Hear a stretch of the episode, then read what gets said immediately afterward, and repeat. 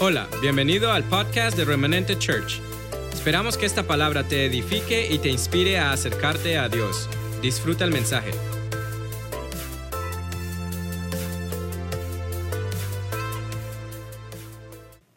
La enseñanza de hoy le hemos llamado Caín, Abel, Abel y Eva. Vamos a hablar de ellos tres. Vamos a ubicarnos en este panorama. Caín, Abel y Eva. Para eso vamos a estar desarrollando Génesis 4.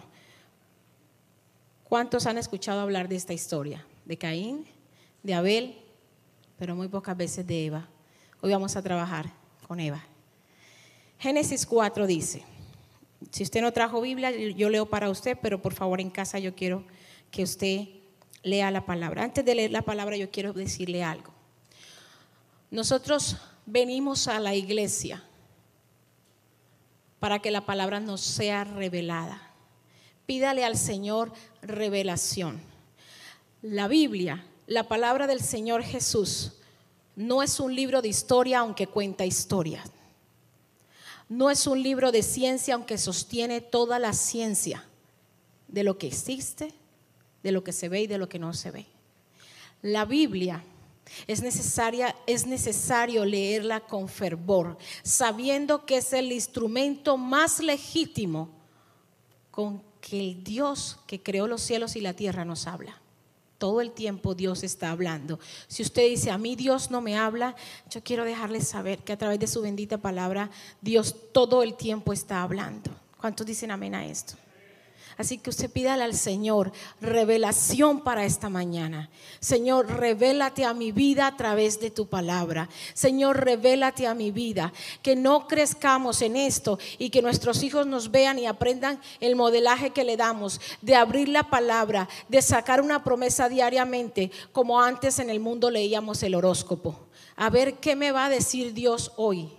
Dios nada lo toma por sorpresa. Desde el día que que el, espermatozoide de tu papá con el óvulo de tu mamá se encontraron, ya Dios tenía planeado todo lo que iba a hacer para ti. Y yo quiero dejarle, yo quiero darle un, un, consejo, quiero pedirle un favor, quiero establecer una demanda de parte mía hacia usted o un favor como lo quiera tomar. Si usted se entera de alguien, de alguna mujer que está embarazada y está pensando en abortar, por favor déjeme saber para yo orar, para yo visitarle, para yo hablarle. Esté en cualquier lugar que esté, por favor, déjenos saber si hay alguna niña, alguna mujer que está en desesperanza porque está embarazada.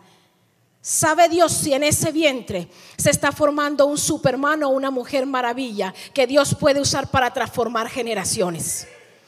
¿Cuántos dicen un amén? Yo quiero que usted se acuerde, si usted quiere saber de alguna de las razones para cual Dios lo trajo en esta mañana es para que escuchara esto. Es el tiempo en que la iglesia del Señor Jesucristo se levante provida, que se levante a ser parte de la solución y no de la onda que se está creciendo. Amén. Pero no vamos a hablar de eso, vamos a hablar de otra cosa. Caín y Abel, Génesis 4. Conoció a Adán y a su mujer Eva, conoció a Adán a su mujer Eva la cual concibió y dio a luz a Caín y dijo, por voluntad de Jehová he adquirido varón. Después dio a luz a su hermano Abel. ¿Y qué era Abel? Abel fue pastor de ovejas y Caín fue labrador de la tierra. Y aconteció, andando el tiempo, que Caín trajo el fruto de la tierra, del fruto de la tierra una ofrenda a Jehová. Y Abel también trajo de los primogénitos de sus ovejas la más gorda de ellas, y miró Jehová con agrado a Abel y a su ofrenda. Pero no miró con agrado a Caín y a la ofrenda suya.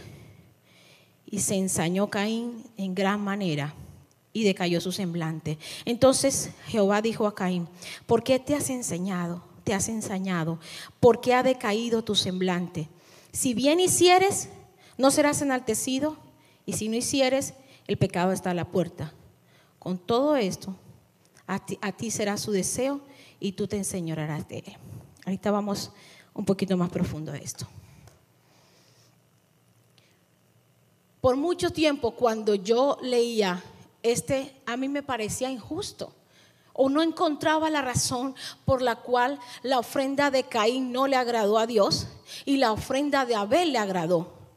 Pareciera que se contradecía cuando decía Dios no hace acepción de personas. ¿Cuál era la razón? Todo lo que pasa en el presente, tuyo, mío, de tus hijos, de los míos, de tus generaciones, tiene un capítulo anterior. Tiene una generación anterior. Tiene un momento anterior. Caín estaba repitiendo lo que había recibido por formación de su padre. Vamos a leerlo. Yo podría decir lo que todo capítulo 4 tiene un capítulo 3. En el capítulo 3 nos, cuenta la, la palabra del Señor, la desobediencia del hombre. Sucede que en el capítulo 2, en el versículo 16, Dios hizo al hombre, lo hizo perfecto. Le creó la casa con aire acondicionado y no tenía que pagar. Le creó una despensa. Es más, el hombre no tenía que matar para comer. El hombre no estaba supuesto en la creación que nada matara a nada. Ni un hombre podía matar a otro hombre, ni el hombre podía matar un animal para comérselo. ¿Cómo así? Sí, Dios cuando el hombre lo forma, lo ve tan perfecto, ya había creado todos los animales. Del, del, agua, del aire y de la tierra. Y Dios pone a Adán en el huerto y le trae todas las plantas y todas las hortalizas y se las pone para que se alimente y coma. Mas sin embargo, usted y yo, desde la creación, tenemos a alguien, a Satanás, que se ensaña con el plan de Dios en tu vida y en la mía. Y le dice Dios en Génesis 2.14, solamente había creado a Adán y mandó Jehová Dios al hombre diciendo, wow, estoy leyendo sin lentes, qué bien. De todo árbol del huerto podrás comer, mas del árbol de la ciencia del bien y del mal no comerás, porque el día que comieres ciertamente morirás. Y le dice Dios al hombre, todo musculoso, todo perfecto, soñador, vamos, caminemos. Caminemos. De todo esto usted tiene derecho. De todo esto usted está para gobernar. Venga, póngale nombre a todos los animales, los que están en el bajo mar, los que están volando y los que están en la tierra. Y vio al elefante hembra y dijo, no, esta es muy grande para mí. Vio a la leona y dijo, esta es muy brava para mí. Vio a la ballena, dijo, no alcanzo a abrazarla. No encontró Adán ayuda para él. Cuando Dios lo manda a ponerle nombre a todo lo que había creado, de pronto encuentra ayuda. Y dijo, no halló sobre la creación la ayuda. Entonces Dios que tiene cuidado de usted y de mí todo el tiempo, Despiértese y acuéstese todos los días sabiendo que Dios tiene cuidado de usted, no importa lo que esté viviendo. Usted ve el día de hoy y el pasado. Gran pesar hay en el hombre no saber lo que va a pasar. Dios tiene control de todos los tiempos. En este medio siglo que tengo de vida, yo puedo decirte, Dios ha tenido cuidado de cada detalle de mi vida y de los míos. Y si lo ha hecho conmigo, lo hace con usted. Porque con amor eterno nos ha amado. ¿Cuánto le dan un aplauso al Señor por eso?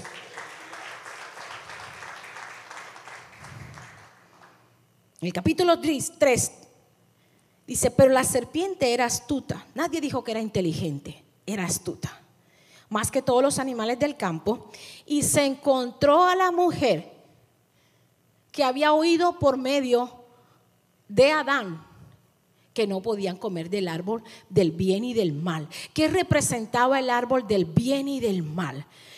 Génesis no terminó. Génesis terminará con Apocalipsis. El sueño de Dios que comenzó en Génesis 1 termina en Apocalipsis. Todo lo que ha sucedido después de Génesis 2 hasta Apocalipsis se llama misericordia del plan de Dios para tu vida, para mi vida y para las generaciones venideras. Eva salió a caminar, se encontró con, la serpiente y la serpiente que es astuta le vendió la idea que no puedes, yo creo que la única verdad que, que Satanás ha dicho fue eso, te dijo Dios que no podías comer, del, árbol del bien y el mal, porque sabe Dios que serás como Dios.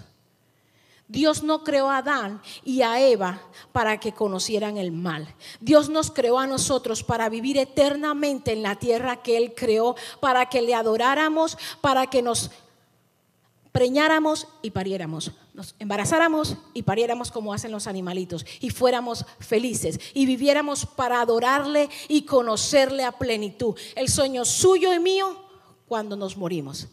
Porque como cristiano el sueño es que nos vamos para el Señor. Amén. No me escucharon. El sueño suyo y mío como hijos de Cristo es cerrar los ojos aquí y abrirlos en la eternidad y contemplar las promesas que Dios hizo en Génesis. Y la serpiente engaña a Eva. Yo creo que en ese momento las mujeres nos dimos cuenta que no siempre tenemos la razón. Amén. Los hombres. Nos dimos cuenta, mire papito, le traje una manzana para que conozcamos del bien y del mal, porque como yo todo lo sé, yo todo lo tengo bajo control, usted no sabe, yo ya hablé con ella y ella me dijo, Dios no está engañando. Mire, cuando una mujer tiene un argumento, no hay cosa más beneficiosa para la creación que una mujer pensante. Mujeres, volvámonos pensantes. Acabemos con el argumento. No siempre tenemos la razón, pero cuando una mujer se ubica en Dios, Satanás tiene que oír. Cuando una mujer en la casa se ubica, Satanás tiene que huir de tu casa. La Biblia dice, la mujer sabia. Amén. Y vino la mujer y le trajo la pera, la uva, la manzana, como usted quiera. Y se la dio Adán. Papito, coma. ¿Quién dijo que la mujer tenía que proveer para el hombre? Primer error de Adán. Espera, ¿usted por qué me está dando de comer si yo soy quien está creado por Dios para proveerle a usted? ¿De dónde sacó eso? No. El poder seductor de la mujer. Papito, ¿quiere una manzana? Tengo una manzana. Y se dieron cuenta que estaban desnudos. Creo que me estoy moviendo bastante y tengo zapatos demasiado altos para estarme moviendo mucho. Se dieron cuenta que estaban desnudos. Y corrieron y se pusieron hojas y se escondieron. ¿Cree usted que el hombre se puede esconder de Dios? No podemos escondernos de Dios porque somos de Él. Usted respira y Dios sabe dónde usted está, porque ese aliento que usted tiene es de Dios. Donde usted se vaya, ahora, si usted puede dejar de respirar y se va suave, suavecito, despacito, donde nadie lo ve, y usted no está respirando, ahí sería otra cosa. Pero donde usted esté haciendo el bien o el mal, usted está respirando, entonces Dios está ahí con usted. Nada tomó por sorpresa a Dios. ¿Dónde estás? ¿Dónde estás, Adán? Él no preguntó, ¿dónde están? Él dijo, ¿dónde estás, Adán? ¿Por qué no se vino con la mujer que la mujer fue la que trajo la manzanita a la casa? ¿Dónde estás, Adán? Yo te dije a ti, Adán, yo hablé contigo, Adán, yo te entregué la tierra, te hice una mujer de tu costilla, yo creé todo. Adán, ¿dónde estás? ¿Por qué estás escondido? ¿Por qué te diste cuenta que estabas desnudo? ¿Por qué te avergüenzas de cómo yo te creé? ¿Cuándo ha visto usted un perro? Bueno, lastimosamente los que tenemos perros hasta ya le ponemos vestido. ¿Cuándo usted ha visto un pajarito con abrigo porque hace frío? ¿Cuándo? No lo hay su desnudez normal. Ahora, salga un señor o una señora desnuda a la calle, echen la culpa a Dani a Eva. Hombres, ustedes que, que se quejan que las mujeres gastamos mucha plata en ropa, fue culpa de ustedes por haber comido la manzana.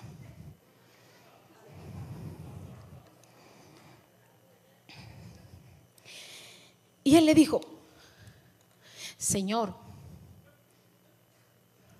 ¿por qué se ríen? Ella estaba bien desnuda y se sentía sexy. Y vino él y recibió la manzana y vino Dios. ¿Y usted quién le dijo que usted estaba en pelotos? Dicen en Colombia, sin ropa. ¿Cómo dicen en Puerto Rico? Yo tengo una amiga que me dice esa palabra acá. Esnudado. El pecado de la desobediencia. ¿Usted sabe el susto que le da a uno cuando uno desobedece? Cuando uno se da cuenta que desobedeció, uno se asusta. Bueno, se asustaron. El Señor le dice, y él le dice, la mujer que tú me diste. Cuando un hombre se deja persuadir por Satanás, por la mujer, por la necesidad física, por la mentira del diablo, se levanta de la silla de gobierno que Dios le dio para andar errante. No se deje quitar el puesto de gobierno que Dios le dio. ¿Cuántos hombres de la casa le dan un amén al Señor? no se deje mover del puesto de autoridad. El deseo de la casa es suyo. La autoridad de la casa es suyo. La provisión tiene que venir de usted. Tengo que cantar como J-Lo. I'm your mama. ¿Has escuchado la canción de Jennifer López que canta y dice, I'm your mama? Yo no soy tu mamá para proveerte.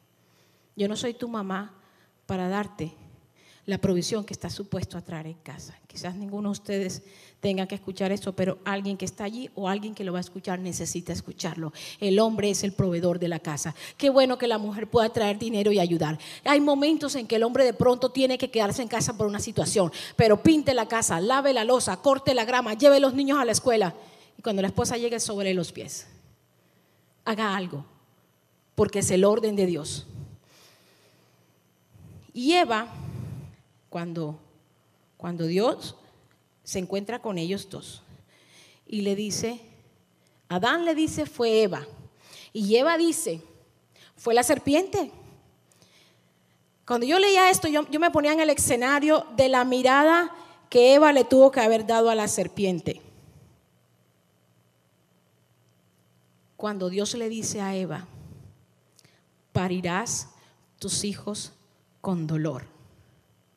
Pero pondré entre, a la serpiente le dijo, pondré una enemistad de muerte eterna entre la simiente de Satanás y la creación.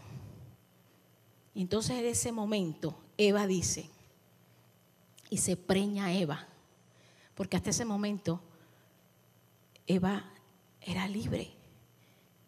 Seguramente que no iba a parir sus hijos con dolor, y le dice a, la serpiente internamente, yo me pongo a pensar en Eva, yo voy a parir un hijo y te voy a pisar la cabeza. Cada vez que una mujer está embarazada es un proyecto de Dios para traer liberación, restauración, provisión y esperanza a las naciones. Es por eso que la iglesia de Jesucristo no está de acuerdo con el aborto. Yo sé que no van a haber muchos amén porque hay muchos argumentos, pero lea Génesis. Y entonces el Señor le dice a Adán, maldita será la tierra por tu culpa, por tu desobediencia. Adán, por, haber, por no haber obedecido lo que te dije a ti, aún antes de crear a la mujer, a mí me va a tocar sacrificar mi hijo. ¿Por qué? Porque el Señor Dios habla en Génesis 3 con el Padre, con el Hijo y con el Espíritu Santo, con los que se puso de acuerdo para crearte a ti y a mí. Dice, tenemos que traer la muerte a lo que creamos, porque ahora ya conoce a Satanás, ya conoce el bien y el mal. Y cuando un hombre conoce, cuando el hombre conoció a Satanás y le dio la autoridad, estaba permitiendo el hombre que Satanás fuera eterno. ¿Y cuántos saben aquí en esta iglesia, en la iglesia de Dios, que Satanás no es eterno? No es eterno.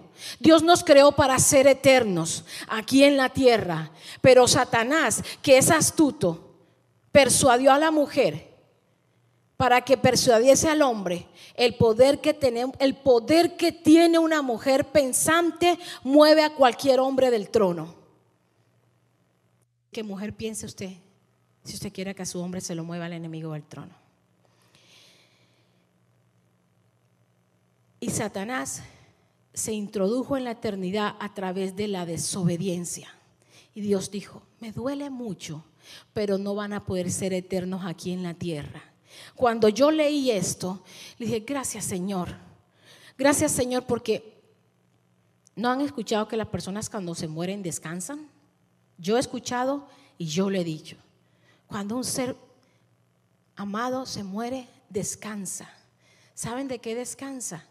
De la lucha entre el bien y el mal, entre la salud y la enfermedad, entre la pobreza, entre las guerras, entre las malas noticias, entre el dolor de, la decepción.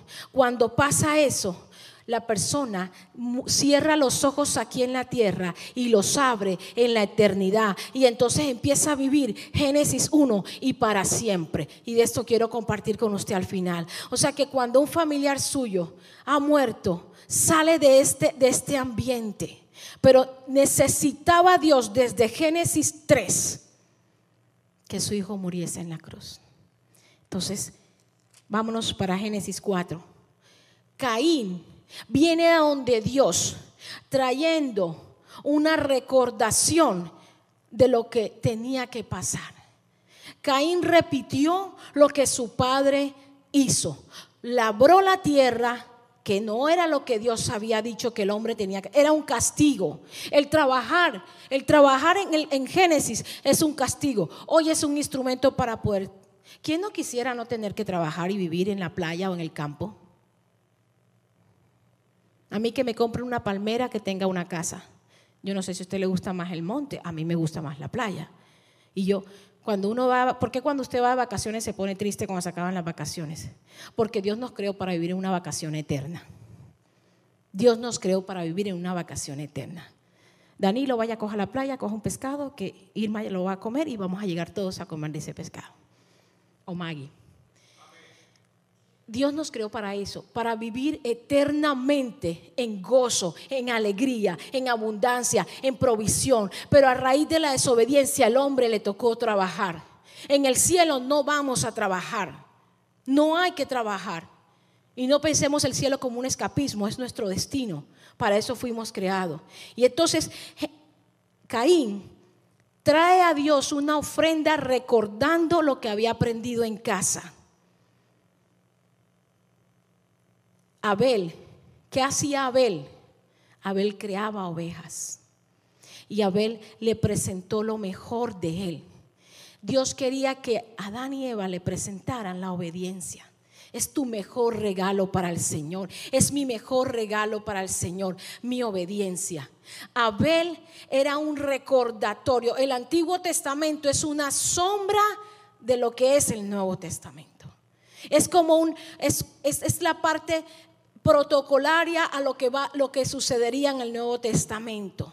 Cuando Dios rechaza la ofrenda de Caín, está diciendo, para esto yo no creé el hombre, yo lo creé para que disfrutara. Y el Señor no le agradó esa ofrenda. Cuando ve la ofrenda de Abel, él, él dice, hay alguien de esta generación que está hablando de lo que yo voy a hacer Cinco mil años después, si no me equivoco, pasaron cinco mil años después, cuatro mil y algo años después. Abel le trajo un olor fragante diciendo, gracias Señor, porque hoy yo te traigo este cordero, pero hay promesa de vida eterna para los que no han nacido, que tú traerás un cordero, lo mejor de ti y lo ofrecerás. Y el Señor no vio con agrado la ofrenda de Caín. Muchos hijos hacemos, hicimos lo que vimos hacer de nuestros padres. Eso hizo Caín. Eva se dio cuenta que Caín estaba haciendo lo que el papá hacía y que no le agradaba. Pero vio en Abel una esperanza. Eva tenía esperanza. Ella no conocía la historia. Ella pensaba que inmediatamente del vientre de ella iba a pasar lo que el Señor dijo, que iban a ser uno, que iba a crear una enemistad. ¿Usted cree un problema con un hombre? Mire, los hombres pelean Lo máximo es que se dan un par de trompadas, pero hasta ahí llegó el problema. Pero cuando Satanás engaña a la mujer, creó un problema eterno, porque pelee con un hombre, pero no, no le busque la pelea a una mujer. We don't forget. Nosotras no olvidamos. Tenemos fechas, horas y color de camisa. A la hora que llegó el texto, el cheque que no llegó. Me dejaste vestida, dejaste al niño en el campo. Las mujeres no olvidamos, a Eva no se le olvidó. A Eva no se le olvidó que ella tenía una pelea que ganar con la serpiente. A Dios no se le olvidó. Por eso, mujer que está en este lugar, pelee por sus generaciones. Pelee por sus generaciones. Créale a Dios, obedezca a Dios. No hable mal de su marido, honre su casa. No se atreva a aceptar que nadie, lo voy a decir siempre, que nadie hable mal de sus hijos, ni su marido. Pelee por sus hijos, pero honra a su esposo. La mujer organiza la casa. La mujer es la que pare. Por eso Satanás fue y se le plantó a la mujer, porque sabía que ella traía la genética para parir y para recrear la tierra. Por eso muchas veces Satanás ensaña con nosotras las mujeres. Pero usted y yo, en esta mañana, Dios nos está hablando. Mujer esforzada y valiente. Entonces dijo a Caín, ¿por qué te has ensañado? El Señor le habla a Caín, ¿por qué, ¿por qué estás tan molesto? ¿Por qué estás tan deprimido? ¿Por qué estás triste? Si hicieras el bien, no vas a ser enaltecido. Y si, hicieres, y si no hicieres bien, el pecado estará a la puerta. Yo creo que eso todos lo sabemos. Eso lo sabe usted. Si usted hace pecado, el pecado está ahí. Y le dijo Caín a su hermano, yo creo que no va a necesitar esto. Y le dijo Caín a su hermano, a su hermano Abel, ven, vamos al campo. Otra vez la misma estrategia. En el campo Satanás le habló, en el huerto Satanás le habló a Eva. Y Caín le dice al hermano, ven, usted lo puede leer en su Biblia, vamos al campo, ven a mi territorio, ven a mi territorio. No he visto notas estaba tipificando ese momento cuando Satanás esperó en el campo a Jesús y lo sacrificó. Satanás no iba a ir al cielo a sacrificar a Jesús. Ven a mi territorio, ven al campo. Miren lo que pasó allí. Y aconteció que estando ellos en el campo, Caín se levantó contra su hermano Abel y lo mató y vuelve el escenario. Génesis 2 y 3. El Señor le dice, Adán, ¿dónde estás? En Génesis 4, el Señor le dice, Caín, ¿dónde está Abel? Caín, ¿dónde está Abel? Dios no sabía dónde estaba Abel. Cuando Dios pregunte, usted empiece a orar, porque Dios pregunta. El Espíritu Santo redarguye como, una, como un agua que usted tiene en bajito. Ahí está hirviendo. No hace mucho ruido, pero está hirviendo el agüita. El Espíritu Santo habla todo el tiempo. Y él le dice, Caín, ¿dónde está Abel tu hermano? Y él respondió, no sé. ¿Yo soy acaso el que guarda a mi hermano? Y él le dijo, ¿qué has hecho? La voz de la sangre de tu hermano clama a mí desde la tierra. Mire, eso es un eso es un estatuto, eso es una verdad profunda. ¿En, ¿En, qué salmo dice, la verdad brotará de la tierra y la justicia mirará desde los cielos? Salmo. Salmo 19. La verdad brotará de la tierra y la justicia mirará desde los cielos. Caín, ¿dónde está tu hermano Abel? Porque la tierra, la sangre de Abel clama. Yo no sé cuán injusto han podido hacer con usted y conmigo, pero aunque usted no escuche, la injusticia que han hecho, clama desde la tierra, porque el Señor Jesucristo de la tierra absorbió toda la sangre de nuestro Señor Jesucristo. Y cuando hay una injusticia, el Señor Jesucristo dice, yo derramé mi sangre por ella, yo derramé mi sangre por él. ¿Cuánta injusticia se han hecho en las cortes de Estados Unidos? ¿Cuántos jueces han sido vendidos? ¿Cuántas mujeres han sido abandonadas y engañadas? Pero hay un sonido que aunque usted no lo escuche, el sonido está. Que lo diga Daisy, si ella no tiene un botón que, que, que, que hunde y su perro entra en, en miedo. Nosotros no escuchamos ese silbido, pero el perrito de Daisy sí lo escucha. Usted y yo no escuchamos el clamor de la sangre de Jesucristo derramada en la tierra por las injusticias que se, que se cometen cada día. Pero la justicia mira desde los cielos por el clamor. Porque dice la palabra que Él está sentado al lado del Padre intercediendo por ti y por mí. Entonces yo te invito esta mañana a que traigas delante del Señor las injusticias que te han hecho. No pelee más con el hombre. El hombre da. Caín dio de lo que tenía. Abel dio de lo que tenía. tenía. Si usted hace lo que a Dios le agrada, si usted trabaja para Dios, y no le estoy diciendo que esté metido en la iglesia ni sea pastor. Si usted le da a Dios lo que es de Dios, si usted le sirve a Dios, si usted honra a Dios donde nadie lo ve, el favor de Dios te perseguirá. El favor de Dios te abrirá puertas. El favor de Dios levantará leyes. El favor de Dios quebrantará reglas. A Dios no lo limitan las reglas de la tierra. El favor de Dios persigue a los que hacen lo que Dios le agrada. Entonces yo entendí cuando aprendí esto, que Dios no había sido injusto con Caín y justo con Abel. Es que Dios no se contradice. Dios es Dios desde Génesis hasta Apocalipsis, por los siglos de los siglos. Amén. Él es Dios. A Dios ninguna pregunta de Satanás lo tiene por sorpresa. Ningún pecado suyo y mío va a coger a Dios por sorpresa. Por eso en esta mañana seamos conscientes, cuando nos sentemos a tomarnos un café y empecemos a hablar mal de otra persona, Proverbios dice, no hable más del rey porque los pájaros que están arriba escuchan lo que tú estás diciendo y van y se lo van a decir. Aunque usted no escuche, hay un sonido, hay un sonido que va al cielo aunque nadie escuche su oración, yo quiero dejarte saber que Apocalipsis 5 dice, y me voy a adelantar un poco, Apocalipsis 5 dice que hay una copa en el cielo que se le entregará al Cordero Inmulado que representó a Abel en Génesis 4, cargado y repleto con las oraciones de los justos.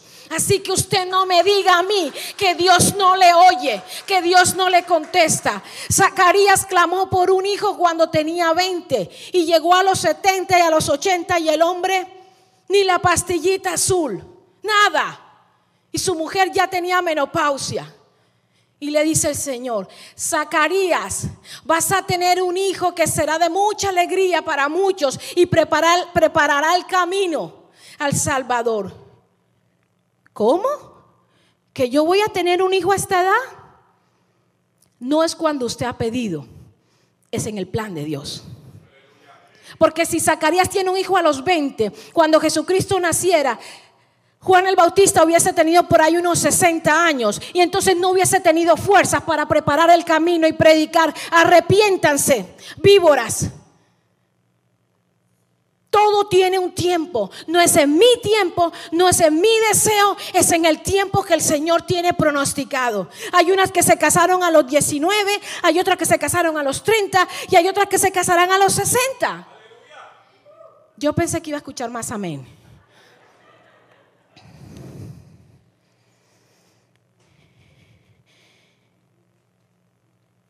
Y el Señor dice, la voz de la sangre de tu hermano clama a mí desde la tierra. Aunque un familiar suyo se haya muerto y usted no haya visto justicia, yo quiero dejarte saber que sí hizo justicia, aunque usted no lo haya visto. Ore por personas que le han hecho daño, por la pura misericordia de Dios, para que Dios le haya a usted justo. Mía es la venganza, dice el Señor. Usted sabe que si usted se venga queda peor que el que le hizo el daño. Porque primero, quien te hizo daño no te va a poder sanar. Y quedas con el daño al que te hizo el daño y quedas con la consecuencia de crear tú un daño. Entonces usted arréglese la camisa, las, que, las mujeres apretémonos la pilítica del brasier, derechitas, y deje que Dios haga lo demás. No se me encorve. No, no. Eva no se encorvó. Eva empezó a parir. Sin relación no hay embarazo. ¿Está teniendo una relación con Dios usted? Estoy yo, está mi casa teniendo una relación con Dios. Zacarías embarazó a su mujer no porque su cuerpo pudiese. ¿Usted se imagina la inyección de testosterona que Dios le tuvo que poner a Zacarías a los 80 años para que pudiera embarazar a una mujer? Y no es lo mismo embarazar a una mujer de 30 cuando usted tiene 80 que embarazar a una mujer de 80 cuando la mujer también tiene 80.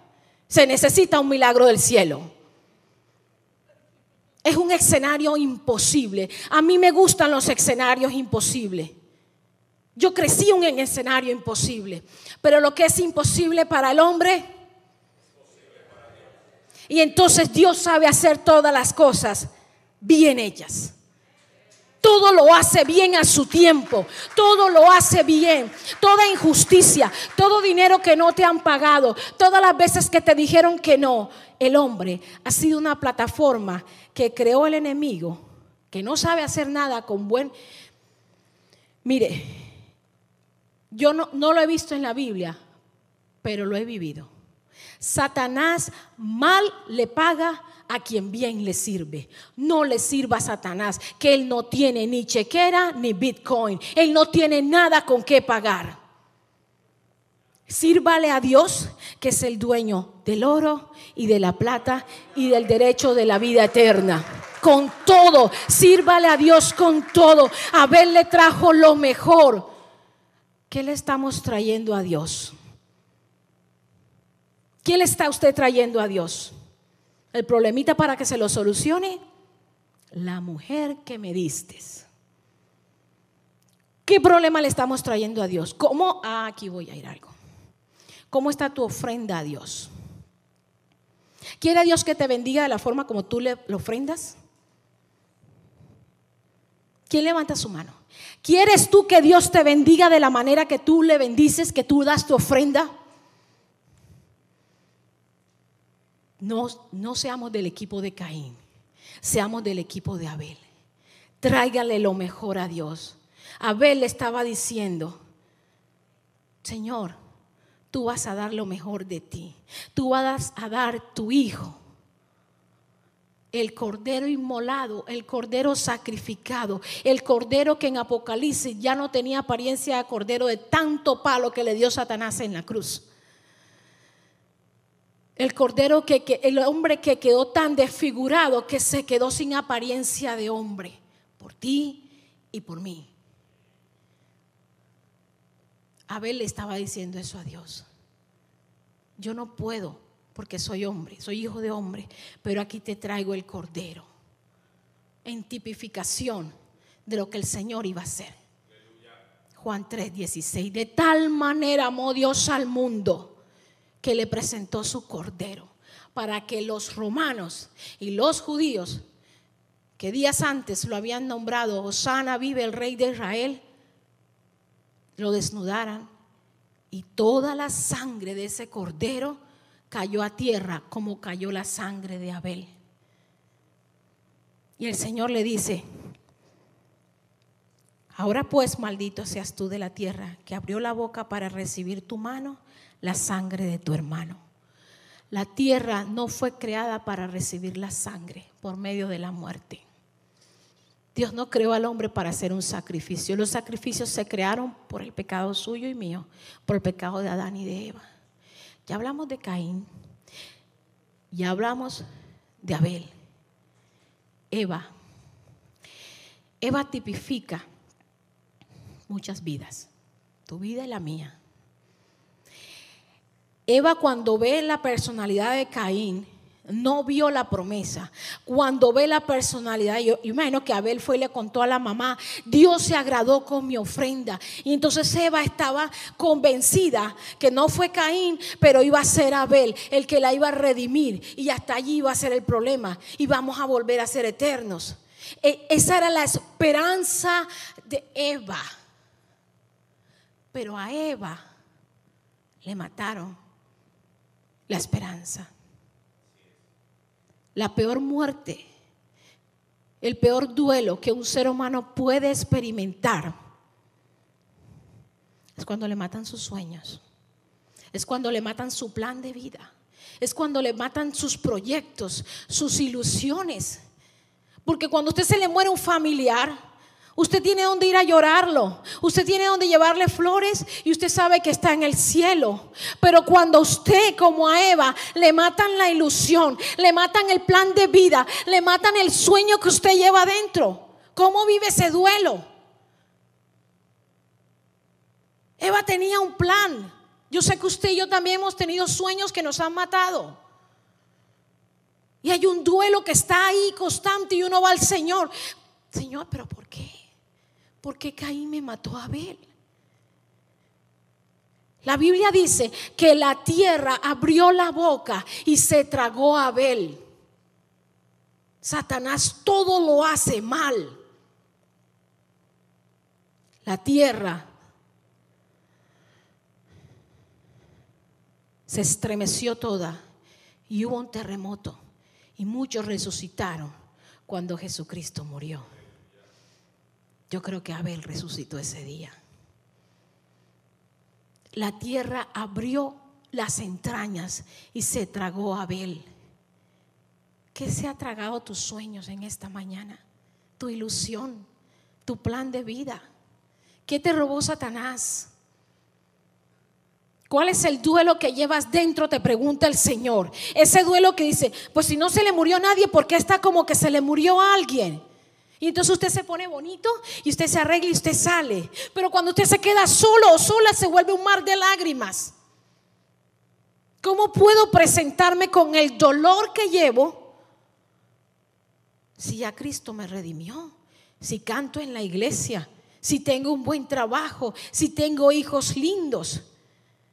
Y el duelo sigue allí. Pero esta mañana, por eso yo hablo de Eva, por eso el Señor trajo a Eva esta noche, porque de ese escenario no se habla de Eva, se habla de Caín y Abel. Pero Eva tipifica todo ser humano que le han roto las ilusiones, los sueños y los planes de vida. Primero la engaña la serpiente. Segundo, el marido le echa la culpa. ¿Dónde estaba cabezón mientras ella me hablaba? ¿Usted por qué no me jaló del pelo y me dijo, mamita, venga para acá que usted no puede estar ahí? Yo pienso que Adán se estaba cortando las uñas. Yo no sé qué estaba haciendo Adán. Hombre, proteja a su mujer. Viva para proteger a su mujer. Viva para rodear a su mujer. Ore por su mujer. Aunque a veces se la quiera devolver a la mamá que la parió, pero ore por ella. Porque no hay nadie mejor ni hay mejor ayuda idónea que la mujer que Dios le dio. Cuando Adán vio a Eva, dijo, no, se llamaba Eva, Eva se llamó después que, que, conoció el bien y el mal, porque Eva significa madre de muchas generaciones, madre de multitudes. Ella se llamaba varona. ¿Te acuerdas, Carolina, varona? Varona. Cuando Adán la vio, dijo, varona mamacita, usted es carne de mi carne, huesos de mis huesos. ¿Es su mujer carne de su carne y hueso de sus huesos? ¿O de la mamá? Y dice Dios, ay, esto fue un mensaje que nos mandó a los suegros y a las suegras. Y dejará el hombre a la mamá y al papá y al perro y a la tía, y se unirá a su mujer, y serán uno solo. Y cuando se apague la luz, serán uno solo. Y entonces ella será carne de su carne y hueso de sus huesos, y harán niños y llenarán la tierra. Y en esta historia, colorín colorado, usted como macho, como alfa, Usted se para a orar por su mujer y por los suyos. Y usted como la varona de Dios empieza a interceder y a honrar el hombre que Dios le dio y a adornar su casa y a estudiar y a prepararse. Ese es el plan de Dios y a servir en la iglesia con todo lo que usted tenga. Yo no escuché ni un solo amén. Ya vamos a terminar. Pero yo quiero decirte, si tú te has identificado con Eva en esta mañana, quiero decirte algo. Dios siempre, siempre tiene un plan. Dios siempre tiene, no era el plan de Eva, no era el plan que usted tenía. Ustedes conocen mi plan. Ustedes muchos conocen mi sueño. Ustedes saben que ya yo iba de retirada y me devolvió Dios a ser pastora. Me quedé con la fiesta armada en Barranquilla. Tocó vender todo lo que había comprado para irme a vivir a Barranquilla. Me devolvió Dios de Barranquilla. Me hizo abuela de tres nietos en 19 meses. Y aquí estoy sirviéndole al Señor para la gloria y honra de Él. Dios tiene el mejor plan para tu vida y la mía, aunque usted no le guste lo que está viviendo. Para Eva, al final, dice, en el 25 del 4, y conoció de nuevo a Adán, eso sí lo aprendió a hacer rapidito, y conoció de nuevo a Adán a su mujer, la cual dio a luz un hijo y lo llamó por nombre Set, porque se fue Set. Porque Dios, dijo ella, me ha sustituido otro hijo en lugar de aquel Abel que mató Caín. Dios siempre tiene el plan para tu vida y para la mía. Repita conmigo, Dios siempre tiene el plan para mi vida. Dios siempre tiene el plan. No lo sabes. Ella pensaba que era a través de ella que venía el Salvador. Pero Dios dijo, espérate, que hay cientos de generaciones que necesitan nacer. Zacarías dijo, ya tengo 20, tengo 30, tengo 40, tengo 50, tengo 60, tengo 70, tengo 80, soy un sacerdote y todo el mundo sabe que no tuve hijos. Pero Dios tenía un plan se llamaba Juan el Bautista. Yo no sé cómo se llama tu plan, pero lo que yo sí sé es que el que agrada a Dios, el favor de Dios le persigue. El que agrada a Dios, el favor de Dios le bendice. Honrar a Dios y todas las bendiciones te alcanzarán.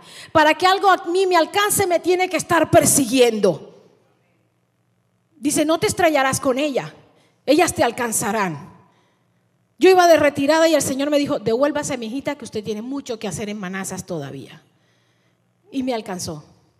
Y aquí estoy. Que hay días que quiero, sí, hay días que no quiero, no. Y menos cuando hace frío. Pero aquí estoy. Yo quiero que usted se ponga de pie en esta hora, si ya me pasé el tiempo. Quiero que se ponga de pie. La sangre de, y quiero que al final toquemos la alabanza, la última alabanza, el coro, por favor. La sangre de Abel tipificaba, en Hebreos dice, aún, siglos y siglos y siglos después, en Hebreos dice, aún la ofrenda, la fe de Abel habla de él. Pero yo quiero leerte mientras la alabanza está sonando. Y miré y, vi en Apocalipsis 5, 6. Apocalipsis 5, 6 y miré y vi que en medio del trono de los cuatro seres vivientes estaban, estaba un cordero, a ver, de pie un cordero como si lo hubiesen sacrificado, que tenía siete cuernos y siete ojos. No se preocupe por eso, los cuales son los siete espíritus de Dios enviados por la tierra.